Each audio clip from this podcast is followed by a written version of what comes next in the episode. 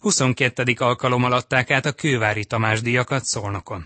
Az egyik díjazott tegnap este Bodonyi Dóra, a helyi egyesület világ és Európa bajnok kajakozója volt. Nagyon örültem neki, ugye amikor megkaptam a meghívót, akkor elolvastam, hogy kik kapták meg előttem, és mind az aktív sportolók, mind a az edzők, illetve sportszakemberek közül nagyon híres és a neves emberek kapták meg előttem, úgyhogy nagyon nagy megtiszteltetés volt. Egy díjról ugyanakkor lemaradtak, ugye az év csapata, az év sportolója gálán nem a magyar női kajak négyes lett, hanem az olimpiai bajnok férfi rövidpályás gyors korcsolyázó váltó. Mennyire számított arra, hogy ezt a díjat nem fogják megkapni most? Nyilván azért akkor is sok sporttörténelmet írtak tavaly azzal, hogy megnyerték az olimpiát, és azért utána is egész évben nagyon jól versenyeztek meg. Amennyire én követem, akkor is sokat mindent megnyertek, ahol elindultak, úgyhogy számítottam rá azért, hogy ők fognak nyerni, és hozzáteszem nagyon megérdemelten. Így utólag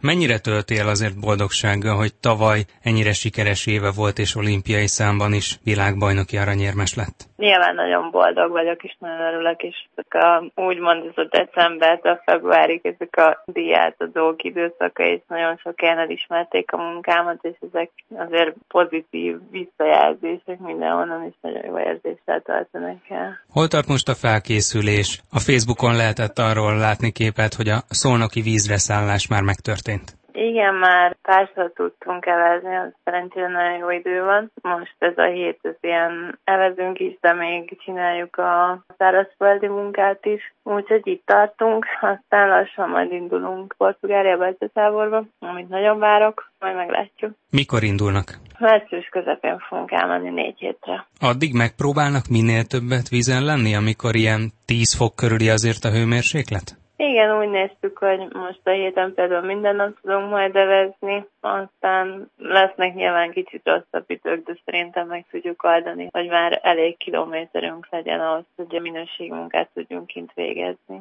Hogyan építi fel a következő szezont? Nyilván az egyes a legfontosabb, mint mindig, mint minden évben, és most is persze, másfél évvel az olimpia előtt, vagy egy évvel az olimpia előtt, de milyen prioritásai vannak? Hát nyilván az 501-es az a legfontosabb, ugye egyrészt, hogy mert az az olimpiai szám, ugye, a másrészt az alapján lehet bekerülni a négyesbe, illetve ha párosban is gondolkodok, akkor is az 501-es az alapja egy jó párosnak is szerintem. Emellett szeretnék ahhoz távokon is továbbra is versenyezni. Remélem, hogy belefér a felkészülésbe majd az is. Most látja esetleg, hogy kivel mehet majd párost? Még nem tudom meg. Először szerintem az a legfontosabb, hogy egyesben egy szilárd teljesítményem legyen, és akkor utána majd tudunk gondolkodni, hogy kivel lenne a jó, vagy ki marad szabad, vagy hogy lenne a legjobb. Hogyan építi fel a szezont? Tehát már az elején a lehető legjobb formában, ha nem is csúcsformában szeretne lenni, vagy pedig úgy hegyezi ki, hogy a második válogató legyen a csúcs? Vagy az egyik csúcs hát itthon? Már május elején van nekünk egy tájékoztató verseny, ahol én el fogok indulni, és onnan azt hiszem, hogy 5 hét alatt nem egy a két válogató. Szeretnék jó formában lenni az elsőn is, meg a másodikon is. Van valamilyen szükséges változtatás erre az évre? Hogy látja?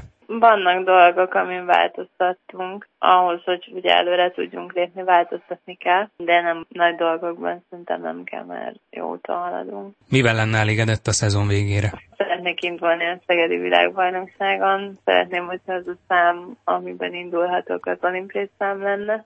Bodonyi Dórát, a Szolnok világbajnok kajakozóját hallották. Víztükör. Az Inforádió kajakkenu és vízisport magazinja mintegy 180 millió forintból folytatódik az Újpest Urányi Fábián vízi telepének fejlesztése. Tájékoztatta az Inforádiót a klub kajakkenu szakosztályának igazgatója. Doma Gergő jelezte, hogy a munkálatok őszig tartanak. A riporter Zsubák Tamás. Imáron több éve első olimpiai bajnokokról elnevezett Urányi Fábián vízitelepnek tart a felújítása, és ebben a felújításokban még eljutottunk egy olyan ütemhez, amikor nem csak a elmúlt évtizedekben leromlott állapotú helységeket tudjuk jobb európai állapotra hozni, hanem valóban az első fejlesztésünk is megtörténhet, ami indokolt, hiszen nem csak Totka Sándor vagy Kozák Danuta érdemel egy jobb helyszínt, vagy egy európai klubot, hanem az a közel 200 klubtagunk is, akiknek a száma évről évre bővül. Gondolok itt az utánpótlásra, akiknek ezek a példaképek szerencsére olyan erősek, hogy folyamatosan érkeznek a Timár utcai vízzelepre, és így ez a kondicionáló teremből, saját testsúlyos kondicionáló teremből és négy női öltözőből álló helység, ha Isten is úgy akarja, akkor szeptember végén, október elején megnyílhat a sportolók számára. Milyen jellegű támogatásból valósulhat meg a fejlesztés? Az Újpesti Torna Egyet és a Magyar Kajakkenu Szövetség kapcsolatának eredménye ez, kiváló kapcsolatának, illetve természetesen azoknak a kiemelt állami támogatásoknak köszönhető, ahol mind a kiemelt klubok, mint pedig a 16 kiemelt sportág erőforrásai összelettek téve, és egy erősebb UTE-forráshoz megérkezett egy már alátt kajakken szövetséges forrás, és a kettő együtt tudja azt a közel 180 millió forintos összeget biztosítani, ami ennek a létesítménynek a megépítéséhez szükséges.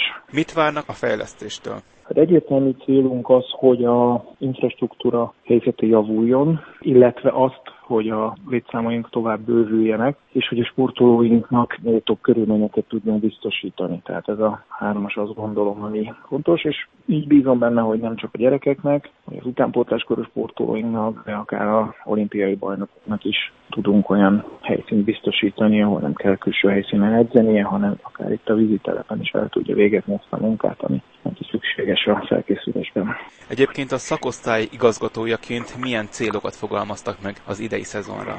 Szutávú célokkal érkeztem. Mindenképpen a hazai világbajnokság a rövid távú cél, tehát hogy ezen a szerző világbajnokságon minél több utést legyen ott, és ők minél fényesebb eredményeket hozzanak, illetve kótát szerezzenek. A szakosztály jövője szempontjából pedig, ahogy az elmúlt években is igyekszünk Budapesten a vezető klubok közé tartozni, illetve ha lehet, akkor minél előrébb lépni, mind a bajnoki ranglistán, ahol most az erőkerő negyedik helyet szereztük meg, mint száz klub közül, illetve hát megtartani azt a pozíciónkat, ami viszont a legfényesebb olimpiai pontok szempontjából az UTE volt 2018-ban az első. Ez nagy mértékben köszönhető a kajakkenusok teljesítményének, és én ezt szeretném megismételni 2019-ben is. Kozák Danuta lett 2018 legjobb női sportolója az év sportolója gálaszavazáson. A klubnak mit jelent az, hogy a sportoló ilyen kitüntetésben részesülhetett?